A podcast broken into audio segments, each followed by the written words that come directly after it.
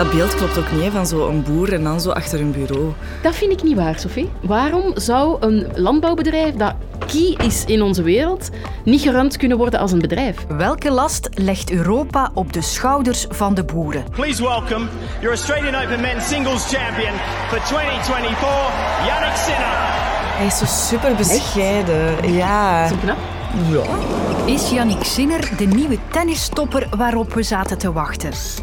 Ja, dat is zwaar. Overal, uh, overal zoeken ze zo'n mensen als mij. Um, ja, dat is een, echt een, een luxe. Dat aantal zogenoemde knelpuntberoepen blijft ook maar stijgen. En waarom zou je toch wegenwerker, boekhouder of technicus willen worden?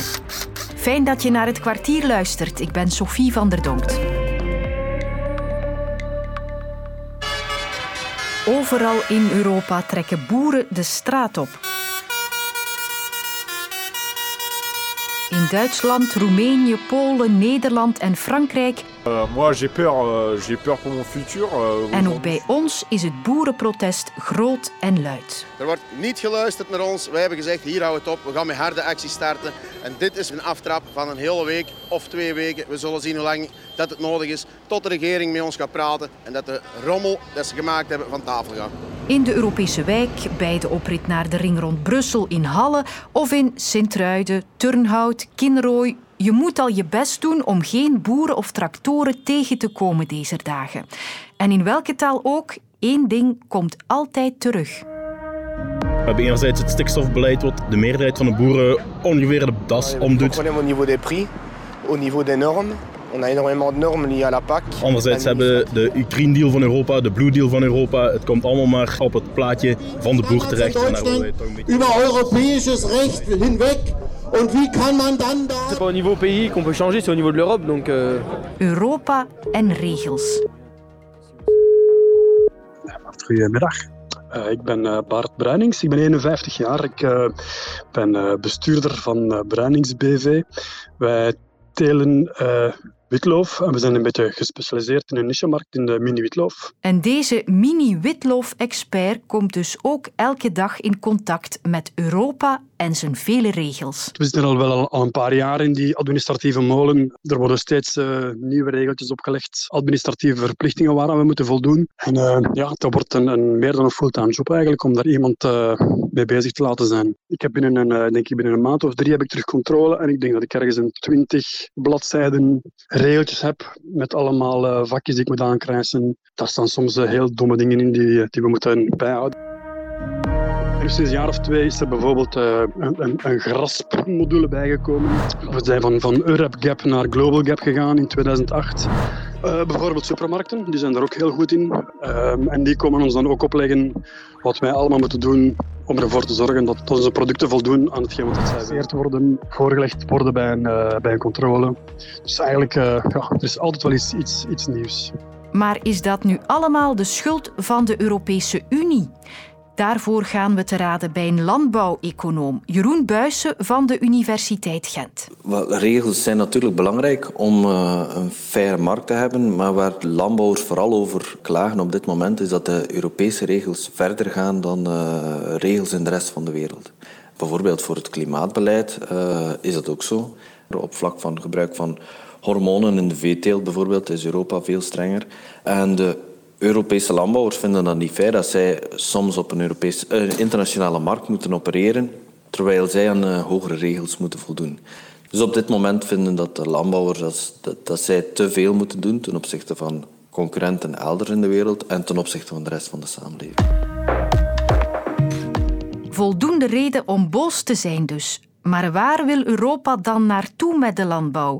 Hoe ziet Brussel de ideale boer? De Europese landbouw hebben we meer familiale landbouwbedrijven. Dus dat is het ideaalbeeld dat bij veel mensen bestaat. Maar de realiteit is dat bedrijven steeds groter worden, omdat grotere bedrijven lagere kosten hebben per product. Die ontwikkeling kan je niet zo eenvoudig met beleid tegenhouden. Een familiaal landbouwbedrijf actief in de varkenshouderij kan 1000, 2000, 3000 varkens hebben.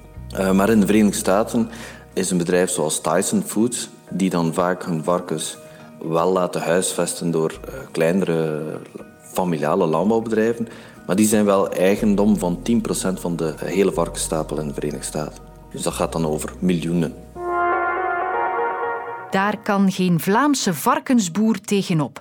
En het is dus toch begrijpelijk dat de boeren nu de Europese Unie in het vizier nemen. Ja, veel regelgeving komt vanuit Europa, omdat het landbouwbeleid voor een groot deel uh, Europees beslist wordt en ook Europees gefinancierd wordt. Dus op dat vlak is landbouw redelijk uniek van alle uh, economische sectoren. De Europese landbouwbeleid zorgt voor regels, maar zorgt ook voor financiering. En die regels die zorgen er ook voor dat er uh, handel en economische ontwikkeling kan plaatsvinden. Dus op zich, dat men klaagt op Europees niveau is logisch, omdat daar de beslissingen vooral genomen worden. Als dat niet zo zou zijn, dan zou men op nationaal niveau klagen, denk ik.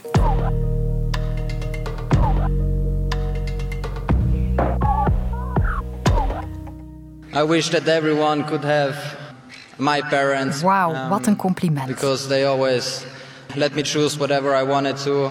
I made so, also some other sports and then they never put pressure on myself. Dat wil toch elke ouder horen? This freedom is, is, is possible for as many young kids as possible. So thank you so much for, for my parents. Sympathieke kerel, die Yannick Sinner. Een roodharige Italiaan van 22, opgegroeid in de bergen van Zuid-Tirol, met een moeder en een vader die daar in de horeca werkten. En hij is zijn ouders dus dankbaar dat ze hem van alles hebben laten uitproberen. Skiën, dat lag daar voor de hand en hij was er ook heel goed in. Voetbal ook, maar in zijn tienerjaren werd het dan toch definitief tennis. Dit weekend werd Sinner de man waar de Italianen al bijna 50 jaar op aan het wachten waren. Is only the second Italian man to claim a Grand Slam title. Please welcome your Australian Open Men's Singles Champion for 2024, Yannick Sinner.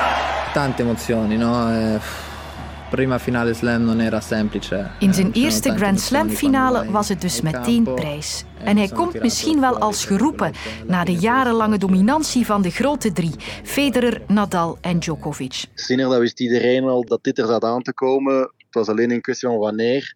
Die had vorig jaar een hele grote stap vooruit gemaakt ook. Dus is niet heel verrassend dat zo iemand eh, een Grand Slam gaat winnen. Dat stond wel ergens geschreven al. En iemand die hem al in de gaten had, is oud-tennisser Christophe Vliegen. Vroeger uh, zelf carrière gehad tussen, uh, laten we zeggen, 2000 en 2011. Ik ben ondertussen coach geworden van Tellen Griekspoor, een Nederlandse jongen die nu deze week, denk ik, nummer 29 van de wereld is. Voor wie Sinner nog niet bezig zag, hoe speelt hij? Iedereen een beetje bij de keel grijpen. Hij speelt heel snel, hij beweegt goed, hij slaat hard, neemt de bal heel snel. Speelt van van achteruit wel, maar hij speelt in, in ongelooflijk tempo. Wat heel veel spelers het tempo niet aan kunnen, of toch niet gedurende 2, 3, 4 uur. Zijn speltype is eigenlijk, als je het mag zeggen, een beetje gelijk Djokovic, maar het is wel op een iets agressievere manier. Dus ja, dat is wel ook voor de mensen volgens mij heel leuk om naar te kijken naar dat soort spelen. Hij was niet piepjong toen hij voor tennis koos, maar dat is dan niet erg gebleken? Nee, maar het is ook, ik denk wat hij ook verteld heeft, is dat vooral de ouders geen druk hebben gelegd op hem qua resultaten. Hij heeft heel lang goed geskiet. Dat zie je eigenlijk ook wel op een tennisbaan, dat hij ongelooflijk goed evenwicht heeft. Dat hij heel veel kracht in zijn benen heeft zitten, ook al zijn het maar tengere beentjes, maar daar zit ongelooflijk veel kracht in. Dus dat heeft hem ook wel een voordeel gegeven. Uh, nu, iedere persoon, iedere speler, die heeft zijn eigen parcours. Er is niet echt een lijn in te, te trekken van hoe moet je het gaan doen. Iedereen heeft zijn eigen tijd nodig en doet het ook op zijn manier. Er zijn mensen die volwassener worden op, op latere leeftijd. Deze is al heel volwassen, deze is al heel rustig. Heeft al zijn emoties onder controle, dat dat normaal gezien toch bij jongere spelers iets moeilijker is. Hoe compleet is hij als speler? Hij pakt nu zijn eerste Grand Slam op harde ondergrond. Kan het ook op gras of op gravel voor hem? Op gravel denk ik dat hij ook wel kansen heeft. Ja, op gras denk ik dat het vandaag nog iets minder is. Alhoewel volgens mij toch halve finale gespeeld is op Wimbledon. Dus als ik dan mag zeggen dat dat een, een mindere ondergrond is, dan is dat wel moeilijk eigenlijk. Maar ja, hij kan gewoon op alle ondergronden uit de, uit de voeten, want hij speelt gewoon heel snel van van achteren. En dan maakt het eigenlijk niet heel veel uit op welke ondergrond het hij speelt. We hebben geen glazen bol natuurlijk, maar het is wel iemand met het potentieel om aan de top te blijven. Het hangt van veel factoren af natuurlijk. Hè? Absoluut, ja. Dat, dat, hangt van veel factoren, van blessures af en zo. Maar dit is wel iemand die de komende 10, 15 jaar het tennis gaat meemaken. Hè. Die, gaat, die gaat het mooi maken, die gaat de concurrentie aangaan met iedereen. Dit is niet een eendagsvlieg. Je wint nooit een Grand Slam als eendagsvlieg zijn. Dat, dat bestaat niet. Als je nummer 4 van de wereld bent, dan zak je niet zomaar weg. Deze jongen gaat sowieso in de top 10 blijven staan de komende 10 jaar. Die is beter dan al de rest die achter hem staat. Dus daar is geen enkele reden toe om te denken dat deze het niet gaat volhouden.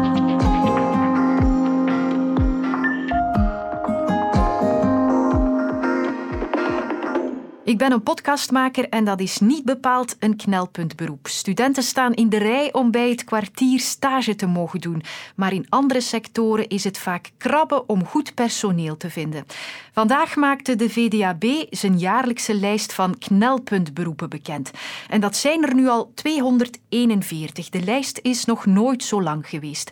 Van bouwkundig tekenaar over kapper en bewakingsagent tot medewerker bij uitvaarddiensten.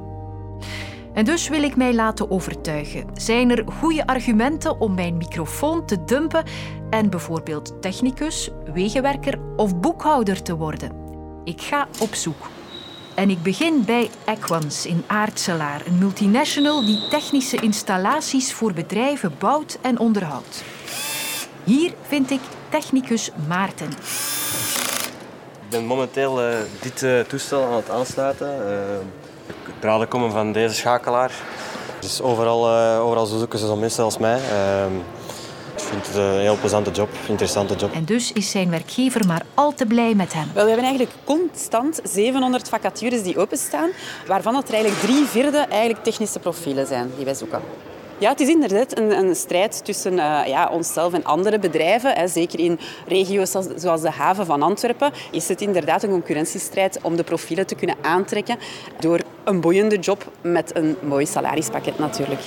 Ik zou dus goed kunnen verdienen en mij heel gewild voelen als ik technicus in de industrie zou worden. Maar misschien is wegenwerker wel meer iets voor mij. Ook die lijken nergens meer te vinden. En zeker ja, op het vlak van een ervaren wegenwerker of een, een wegenwerker met enigszins wat bagage in de bouw. Het is niet gemakkelijk op dit moment om de juiste kandidaten te vinden. Dit is Ingrid, zaakvoerder van Groep De Kempeneer. En zij ziet veel goede redenen om voor de job van wegenwerker te gaan. In ieder geval, in de bouw werken is al zeker aantrekkelijk. Het is een, een goed paritair comité met tal van voordelen. Ze hebben een, een pensioen je hebt de, de werkloosheid tijdens de winter kan gemakkelijk ingevoerd worden. Op dat vlak is het toch wel voor de kandidaten heel interessant om in die sector te werken. En ja, wegenwerker is wel een, een heel mooi beroep, want het zijn projecten die ze kunnen realiseren, die ze samen met een ploeg kunnen maken. Ook waar ze fier op moeten zijn, dat ze die werken kunnen doen. We zijn bijvoorbeeld nu bezig in, in Brussel op de Adolf Max. Dat is een, een heel mooi project. Onze mensen zijn daar ook fier op. Dus allee, dat vind ik toch wel ook heel belangrijk. Maar aan de andere kant, als podcast-host zie ik elke dag het resultaat van mijn werk. En dat is als wegenwerker wel wat anders. Dat kan soms vijf, zes maanden, een jaar duren dat je op dezelfde werf bent en dat je gaat van opbraak tot helemaal aanleg van gans het project. Sommige projecten duren ook heel lang. Dan toch maar een heel andere richting uit. Want ook accountant of boekhouder staat in de top 10 van knelpuntberoepen. En dat verbaasde mij. Wij zijn daar niet van verbaasd. Waarom? Het feit is dat de wetgevingen zo snel veranderen dat iedereen moet bijscholen met het gevolg dat er heel wat mensen beginnen af te haken. Nochtans vindt deze Ludo van den Bossen van de Koninklijke Vereniging van Accountants en Belastingadviseurs dat er geen mooier beroep bestaat. Ze vertellen ook dat wij grijze muizen zijn. Maar als je bij ons zou aanwezig zijn op een bestuursraad, zou je merken dat er van die grijze muizen niet te veel meer te merken is. Dat dat echt mensen zijn die met de wereld meeleven. En ook vooral de jongeren. Want u zult, als je al gekeken hebt op, internet, zult gemerkt hebben dat heel wat jonge accountants zelfs op TikTok zitten. Dus uh, dit is een van de prachtigste beroepen. Allee, ik had ooit willen schrijnwerker worden, maar ik mocht van thuis uit dat niet doen. Ik ben in de boekhoudssector terechtgeraakt. En als je dat vandaag bekijkt, je maakt alles mee, een beginnende zelfstandige tot de ontbinding van zijn zaak op het einde, zijn pensioen gaan. Alles daartussen zorgt ervoor dat jij met alles wat er vandaag gebeurt in de wereld meezet. Eigenlijk hebben wij een hele mooie stil. Je kunt in elke sector terecht als accountant. Maar dit is ook een mooie stiel, dus morgen ben ik er toch gewoon weer met een nieuw kwartier. Luister ook naar Snapt je mij nu? Onze VRT Nieuws-podcast waarin straffe twintigers praten over hot topics. Nu in de app van VRT Max.